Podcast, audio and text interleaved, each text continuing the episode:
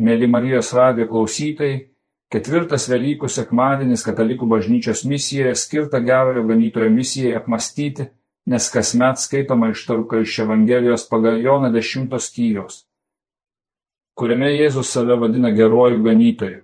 Viešpat save vadina ganytoju ne tik Naujajame testamente, visoje Biblijoje ganytojas.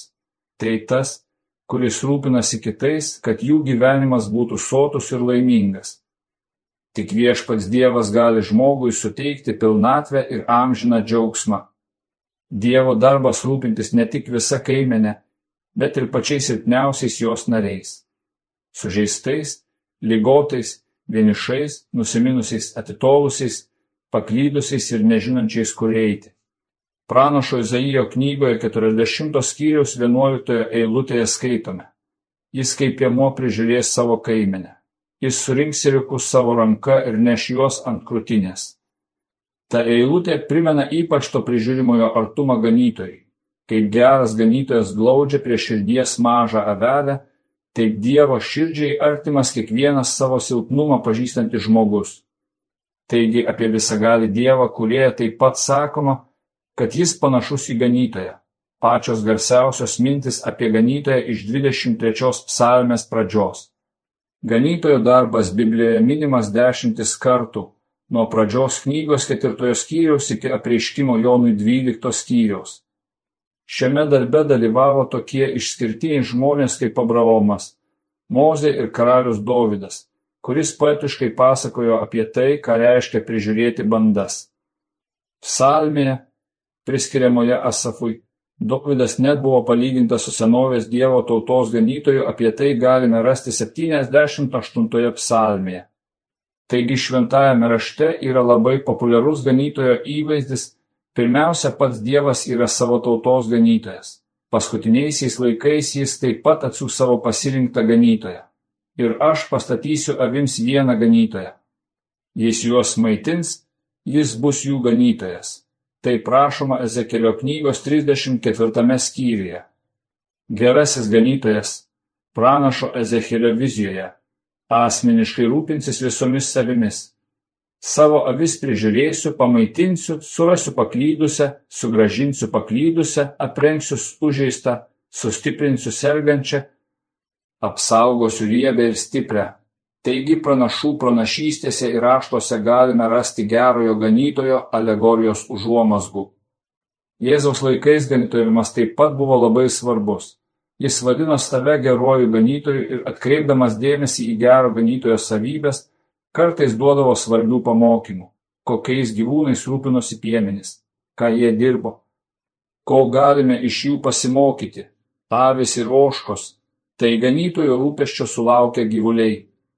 Daug kas rodo, kad senovės Izraelyje, be kita ko, buvo auginamos jėgos avys, kurios įsiskiria tankiu Vilnos sluoksniu ir, kaip rodo jų pavadinimas, didelė riebė uodega, ragai būdingi tik šios veislės patinams. Avis iš prigimties yra klusnios, todėl jas lengva vesti. Deja, jie taip pat yra jautrus aplinkos sąlygoms ir yra lengvas grobis plėšrūnams. Oškas taip pat prižiūrėjo piemenis jų spalva buvo vienoda – juoda arba ruda.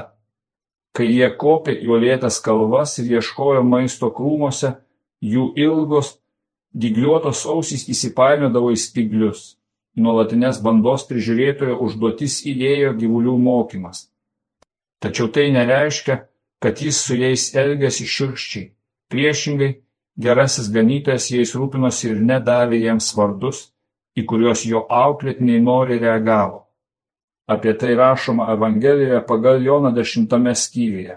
Ganytojo darbas ir metų laikai. Viešpatės Jėzaus laikais būti ganytoju buvo pavojingas darbas. Ganytojo pareigos buvo ne tik užtikrinti, kad jam patikėtos savės gautų maisto ir gėlo vandens. Visų pirma, ganytojas turėjo saugoti kaimenę nuo daugybės pavojų. Jei avis pasiklyzdavo, jis turėdavo paklydėlę surasti ir sugražinti. Didžiausią pavojų kėlė laukiniai plėšrieji gyvūnai, pavyzdžiui, liūtai ir vilkai. Ganytojui dažnai tekdavo rizikuoti savo gyvybę, kad apsaugotų savo avis. Viso šeimos gerovė dažnai priklausė nuo to, kaip stropiai piemo atliks savo užduotį, todėl ganytojo darbas nebuvo patikėtas užsienio samdiniams. Jauniausias šeimos sūnus paprastai tapdavo piemeniu. Šeimos, turinčios savių, žinojo, kad samdinys nerizikuos savo sveikata ir gyvybę pavojaus atveju. Pavasarį piemuo galėjo kasdien išvesti bandą iš namų tvarto ir vesti ją į netoliese esančias vešlias ganyklas. Tuo metu taip pat gimdavo iriukai ir ožiukai, todėl bandos buvo gausesnės. Be to, tai buvo žiemos vilnų kirpimo metas, todėl buvo proga švesti. Kartais kas nors turėdavo tik kelias savis, todėl samdydavo piemenį, kad šis sujungtų mažesnės grupės į vieną bandą. Buvo žinoma, kad tokie samdiniai rūpinasi svetimomis savimis su mažesniu atsidavimu nei savosiomis apie tai sužinome iš Evangelijos pagal Joną dešimtos skyriaus. Kai žmonių gyvenviečių apylinkėse laukai būdavo tušti, piemuo išvesdavo avis į ražienų laukus, kur jos rasdavo šviežių ūglių ir grūdų likučių. Per vasaros karščius jis juos nuveždavo į aukštesnės, vėsesnės vietovės. Visą dieną jis išbuvo laukia, stebėdamas stačiuose šlaituose ganomas bandas. Naktį jis turėjo budėti sodyboje. Kartais jis bandai nakčiai ieškodavo prieglopščio oloje, kad apsaugotų ją nuo šakalų ir hienų. Kai tamsoje klykė hienos, švelnus piemens balsas ramino išsigandusias avis. Kiekvieną vakarą mūsų skaičiuodavo avis ir patikrindavo jų sveikatą. Ryte jis juos pašaudavo ir jie mielai sekdavo paskui jį į ganyklą. Vidurdienį jis nuvesdavo juos prie girdyklos. Kai išdžiūdavo natūralūs vandens telkiniai, piemuo turėdavo eiti su gyvuliais prie šulinio ir semti jiems vandens. Pasibaigus sausajam sezonui, piemuo galėjo kartu su banda persikelti į pakrantės lygumas ir slėnius.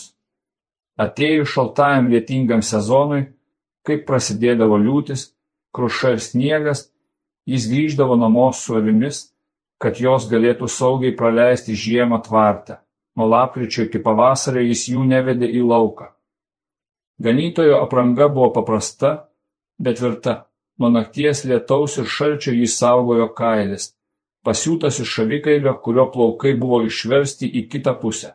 Tiesiai ant kūno piemo dėvėjo tuniką. Ant kojų jis savėjo sandalus, kurie saugojo kojas nuo aštrių akmenų ir spyglių, o ant galvos dėvėjo kepurę, kuri būdavo panaši į vilnonį maišą. Paprastai į piemens reikmenis įeina.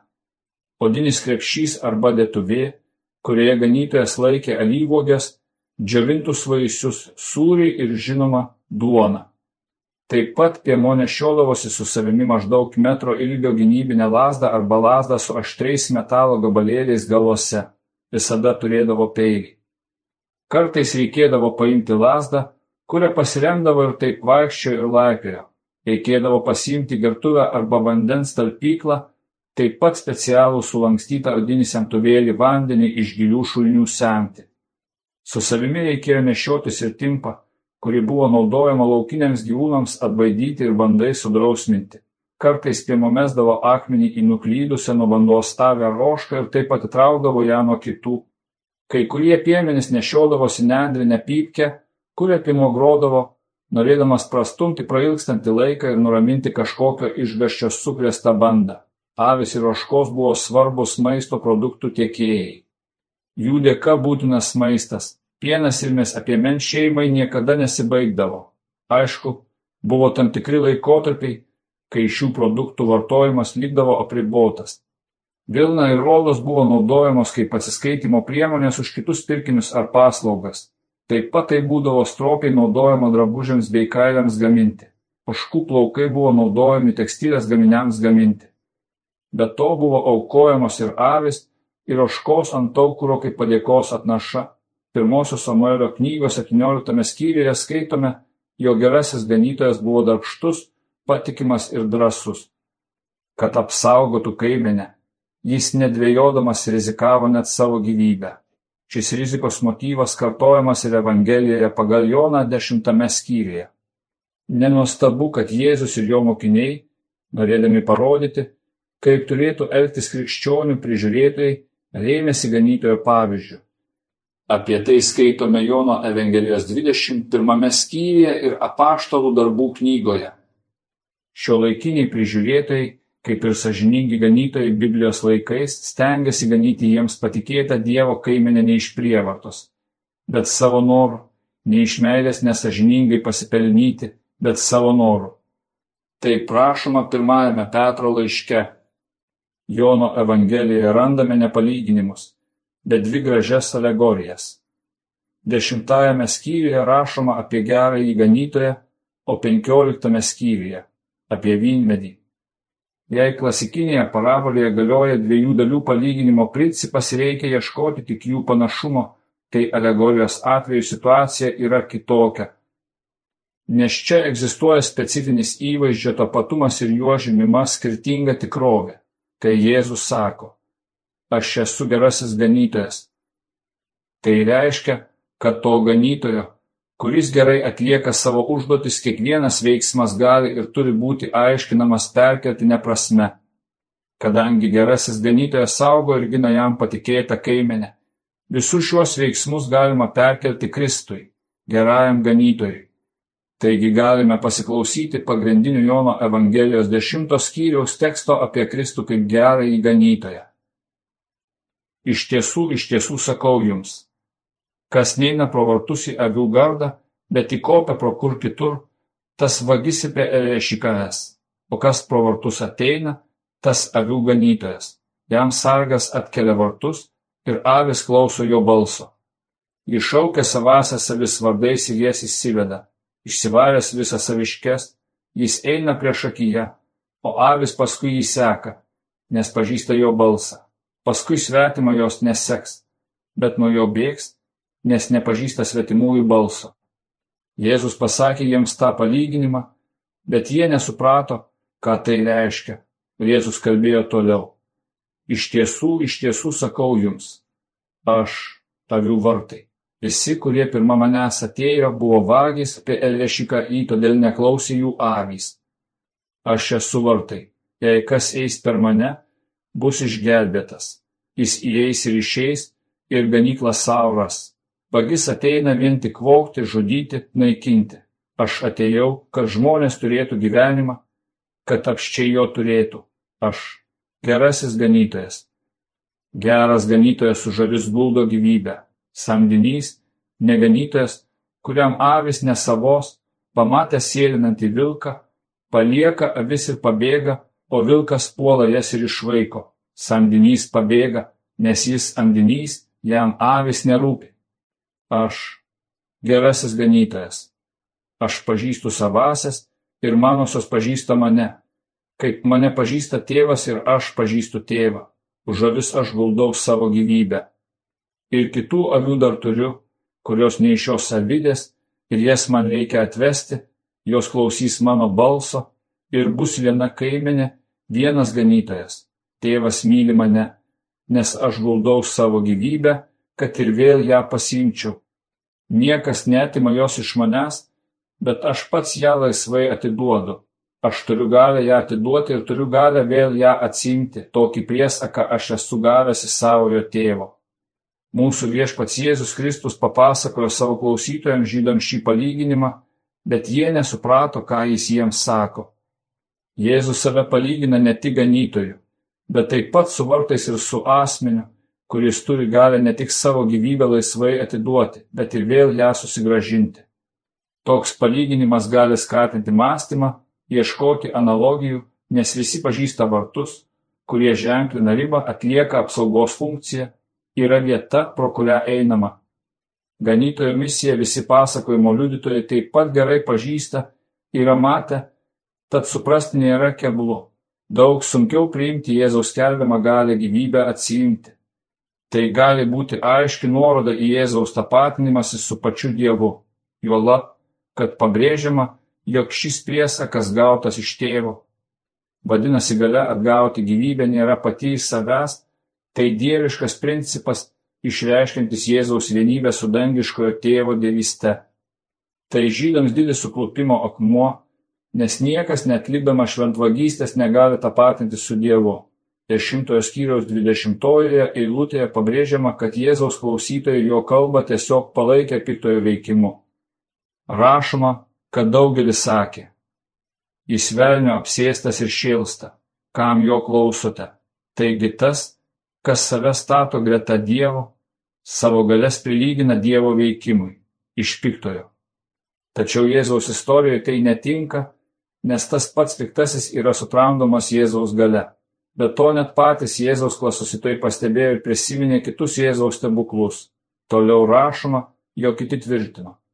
Tai neapsėstojo kalbos. Argi gali velnės atverti neregiams akis? Velnės atima laisvę, atskiria, kankina, niokoja Dievo kūrybą, o Jėzus gydydamas ir atleisdamas tęsia tėvo darbus. Prieš Jono Evangelijos alegoriją apie gerą įganytoją pateikiamas trumpas palyginimas. Taip jį vadina pats evangelistas.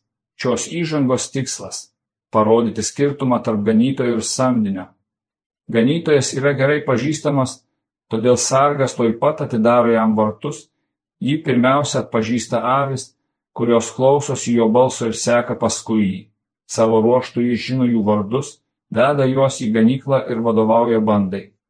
Visos šios savybės rodo tiesioginius ir nuoširdžius santykius - ištikimybė, rūpestis ir gerumas, pasitikėjimas, paklusnumas ir saugumas. Priešingas yra piemuo, kuris taip pat vadinamas svetimšaliu, vagimi ir plėšiku. Jėzaus prisistatymas Jono Evangelijos dešimtajame skyriuje yra artimas iškilmingam aš esu deklaravimui. Taigi dešimtajame skyriuje po trumpo palyginimo seka paaiškinimas, analogiškas keliems sinoptiniams palyginimams. Tad apie tai skaitome Evangelijoje pagal Mata 13 skyriuje, Evangelijoje pagal Morkų 4 skyriuje, Evangelijoje pagal Luką 8 ir 16 skyriuose. Čia kaip priedainis keturis kartus pakartojama frazė. Aš esu. Graikiškas terminas agaimys skamba taip pat kaip Dievo vardas, kuris buvo paskelbtas Mozei ant Horebo kalno. Apie tai skaitome išėjimo knygos trečiajame skyriuje. Jono Evangelijos alegorijoje keturis kartus minimas skelbimas. Aš esu. Pirmosios dvi deklaracijos prasideda fraze. Aš esu avių vartai. O trečioji ir ketvirtoji aš esu gerasis ganytojas. Tai patvirtinamos iš anksto numatytos teisėto ganytojo savybės. Jis įeidavo pro vartus. Gerasis ganytojas ne tik įeina pro oficialų įėjimą, bet ir pats yra vartai. Jei kas įeina per mane, bus išgelbėtas. Jis įeis ir išeis, ras ganyklą. Tik taip užtikrinamas amžinasis gyvenimas ir dalyvavimas Dievo karalystėje. Dangus čia simbolizuoja žavę ganyklą. Tai aiški nuoroda į 23-osios psalmės žodžius. Taigi Jėzus gerai pažino psalmės ir jomis meldėsi kaip ir visi to meto žydų bendruomenės nariai sinagogoje ir namuose. Ganytojas pažįsta savo avis ir uoliai jomis rūpinasi, tačiau gerasis ganytojas eina daug toliau, nes jis atiduoda savo gyvybę už žavis. Gyvybės atidavimas yra pažinimo viršūnė, aukščiausia meilės išraiška Tačiau būtina pateikti evangelinį paaiškinimą - pasiaukojančios meilės ir paklusnumo tėvo valiai vaisius - išgelbėti ir laimėti kitas paklydusias savis ir įsteigti vieną kaimenę ir vieną ganytoją. Jėzus sako, tėvas mane myli, kad atiduočiau savo gyvybę, kad vėl ją pasiimčiau. Niekas iš manęs jo neatima, bet aš jį padedu savo noru. Turiu galę ją duoti ir turiu galę ją vėl atsiimti, tokį įsakymą priėmiau iš savo tėvo. Viešpats Jėzus čia skelbia apie savo mirtį ir prisikelimą. Visų pirma, jis pabrėžia, kad savo misiją atlieka savanoriškai. Jis tai daro iš meilės ir ne tik dėl mūsų žmonių, pirmiausia matome meilę ir pagarbą tėvui. Jis atiduoda savo gyvybę, kad vėl ją pasiimtų. Tai jam duotas įsakymas bet jis jį vykdo savanoriškai, kad tėvui suteiktų garbę ir šlovę už nuostabų išgelbėjimo planą. Jėzus Kristus turi galę duoti gyvybę ir ją sugražinti. Ši Kristaus gale gali pasireikšti ir mūsų gyvenime, kai tikėjimu į viešpatį Jėzų esame pašaukti amžinajam gyvenimui. Dėl šių žodžių tarp žydų vėl kilo nesutarimų. Daugelis jų sakė, demonas siautėja ir siautėja, kodėl jo klausotės, Kiti sakė, tai ne demono apsėsto žmogaus žodžiai. Ar demonas gali atverti aklųjų akis? Jėzaus žodis persmelkia žmonių sielas. Ji atskleidžia tiesą, nes ji yra tiesa ir žmogus negali būti abejingas šiai tiesai. Jei Jėzų Kristų laikysime apsėstų, būsime panašus į tuos, kurie sakė, kodėl jo klausote. Mes atmesime žodį ir neklausysime jo balso. Tačiau kyla klausimas, ar gali demonas atverti aklųjų akis? Jėzaus alegorija apie gerą įganytoją turi kelti klausimų tikinčiųjų ir bažnyčios ganytojų sąžinėje kiek šiuolaikiniai ganytojai stengiasi perimti gerojo ganytojo savybes, iš kur kyla vis daugiau kritikos, kaltinimų ir įtarimų, kaip apsisaugoti nuo kaltinimo būti blogų ganytojų.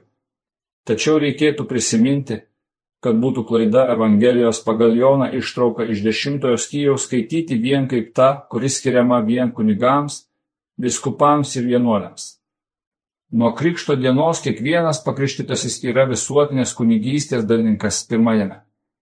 Petro laiške skaitome, o jūs esate išrinktoji giminė, karališkoji kunigystė, šventoji tauta, įsigytoji liaudis, pašaukta išgarsinti šlovingus darbus to, kuris pašaukė jūs iš tamsybių į savo nuostabę šviesą. Tad kiekvienas žmogus gali būti kito ar kitų ganytojas, kai reikia patarti, pamokyti, globoti, guosti ar tiesiog melstis už kitą, skelbti tikėjimo žinią bei pasakyti tiesą ir tai parodyti kelią į dieviškos išminties vartus. Gerojo ganytojo alegorijoje nekarta minimas ganytojo balso klausimas. Tai nebejotinai susijęs su žodžio tarnyste, katecheze ir homilija. Avis atpažįsta balsą, kuris jų neklaidina ir nenobodžiauja ir seka paskui šį ganytoją, kuris yra autentiškas žodžio liudytojas ir tarnas. Ko trūksta šio laikiniams pamokslininkams, katechetams ir mokytojams? Ko trūksta tiems, kurie norėtų pasidalinti tikėjimo patirtimi maldoje subrandintais Dievo žodžių apmąstymų vaisiais. Po žodžių turi sekti veiksmai, todėl gerasis ganytojas rūpinasi pasiklydusiomis, alkanomis, sužeistomis ir sergančiomis savimis. Ar verta palikti 99 ištikimas savis ir ieškoti vienos pasiklydusios, kuriai reikia kitokios pagalbos, kaip tarnauti tiems, kurie nepriklauso vienai kaimeniai. Pirmiausiai melstis už juos, kaip pragina Kristus, kad visi būtų viena gerojo ganytojo meilės išraiška, palikti avims apsisprendimo teisę, pasirinkti ganyklą ir ganytoją Todėl krikščioniškoje ikonografijoje gerojo ganytojo figūra siejama su scena iš apreiškimo šventajam Jonui knygos trečiojo skyriaus. Štai astoviu prie durų ir beldžiu. Jei kas išgirs mano balsą ir atvers duris, aš pas jį eisiu ir vakarieniausiu su juo, o jis su manimi. Tai ganytojo, liūdinčio tėvo ar motinos, jautraus mokytojo, kantriai laukiančio tikinčiojo, vaiko mokinio atsako ilgesingi žodžiai. Rūpestingas ganytojas kaip gera mama ar tėtis, uolus mokytojas gerbė savo mokinių laisvę, nori būti su drauge ir džiaugtis jų pasiekimais ir pasikeitimu į gerą. Niekas nėra geras tik Dievas, taip Evangelijoje sakęs Jėzus, o taip pat jis lygina su geruoju ganytoju šiandienos. Prieš pats Jėzus save. Sužinome, kokiamis savybėmis turi pasižymėti ganytojas, kad būtų vadinamas geru. Ankstesnėje eilutėje jis pareiškia, kodėl atėjo, sakydamas, aš atėjau, kad jie turėtų gyvenimą ir gausiai gyventų. Šiuos savo misijos patvirtinimu jis suteikia mums saugumo jausmą ir savo meilę. Jis atėjo dėl mūsų. Tas, kuris ateina, kad mes turėtume gyvenimą ir gausėtume, turi būti geras. Tačiau viešpats Jėzus mums atskleidžia daugiau, lygindamas save su geruoju ganytoju Jis pradeda žodžiais. Aš esu gerasis ganytojas. Gerasis ganytojas atiduoda gyvybę už žavis. Gerasis ganytojas rūpinasi savo avimis ne tik tam, kad jos gausėtų. Jis aukoja savo gyvenimą, kad juos mylėtų. Nėra didesnės aukos už tą, kai kas nors aukoja savo gyvybę dėl kitų. Tai didžiausias meilės liudymas. Nėra pilnesnio ir gražesnio gesto už Jėzaus Kristaus atiduodančio gyvybę už savo avis. Iš to mes pažįstame meilę, kad jis už mus atidavė savo gyvybę. Tokie žodžiai. Tai kvietimas sekti ganytojui ir į jį panašėti. Svarbu neleisti, kad mus apgautų šio pasaulio samdiniai ar valdovai. Pinigai, valdžia, seksas, pramogos, visos žemiškos gerybės tik apgauna mus, atitraukdamos nuo to, kas svarbiausia. Jėzus Kristus atidavė savo gyvybę už mus, kad mes galėtume gyventi ir džiaugtis gausa. Iš to, ką jis dėl mūsų padarė, mes matome, kad jis yra geras ir galime juo pasitikėti. Jis atidavė savo gyvybę už mus. Kaip jis atidavė savo gyvybę už mus, taip ir mes privalome atiduoti savo gyvenimą Jėzui. Gerasis ganytojas pažįsta savo avis ir jos pažįsta jį. Avis pažįsta savo ganytoją, nes jas jam perdavė tėvas, nes niekas nepažįsta sūnaus, tik tėvas. Visa man perdavė mano tėvas ir niekas nepažįsta sūnaus, tik tėvas ir niekas nepažįsta tėvo, tik sūnus ir tas, kuriam sūnus nori jį apreikšti, prašoma Evangelijos pagal Matą 11 skyriuje. Ne mes pažįstame Jėzų ir tai, kas jis yra, tai tėvas tinkamu laiku apreikštiems, kurie yra jo. Tiesa neteina į žmogų vien protu ir intelektu. Tiesa apie Jėzų Kristų, gyvojo Dievo sūnų, turi ateiti mums kaip paties Dievo apreiškimas. Tik Dievas tėvas gali padėti mums suprasti, kad širdyje įtikėtume, kas iš tikrųjų yra viešpats Jėzus. Palaimintas tu, Simonai, Jono sūnau, nes ne kūnas ir kraujas tau tai apreiškia, bet mano tėvas, kuris yra danguje, sakė Jėzus apaštalui Petrui. Viešpats Jėzus buvo mesijas, kurio laukia žydų tauta. Šioje eilutėje aš turiu ir kitų avių, kurios ne iš šitos savydės, jas taip pat turiu atvesti ir jos klausys mano balso ir bus viena avidė ir vienas ganytojas. Jis nuostabiai skelbia, kad bus ne tik Izraelio, bet ir viso pasaulio gelbėtojas. Šioje eilutėje yra pažadas, kad kiekvienas žmogus, kuris tiki Jėzų Kristų, kad jis yra Dievo sūnus ir kad jis mirė už mūsų nuodėmes, bus išgelbėtas. Izraelio avis yra išsibarščiusios po visą pasaulį vis dar yra daug žmonių, kurie negirdėjo jo balso ir nesugeba jo atpažinti bei jam paklusti. Štai kodėl esame pasiūsti į pasaulį skelbti gerosios naujienos, kad visos paklydusios Izraelio avis būtų surastos ir turėtų vieną ganytoją - viešpati Jėzų. Sugražinti visus prie Dievo kaip vienintelio tiesos šaltinio ir parodyti pasiaukojančią meilę visų savo gyvimu. Tokia Jėzaus ganytojo ir gelbėtojo misija. Mėly Marijos radijo klausytojai, girdėjote kunigo Alberto Jankovskio parengtą tekstą apie ganytoją Biblijoje.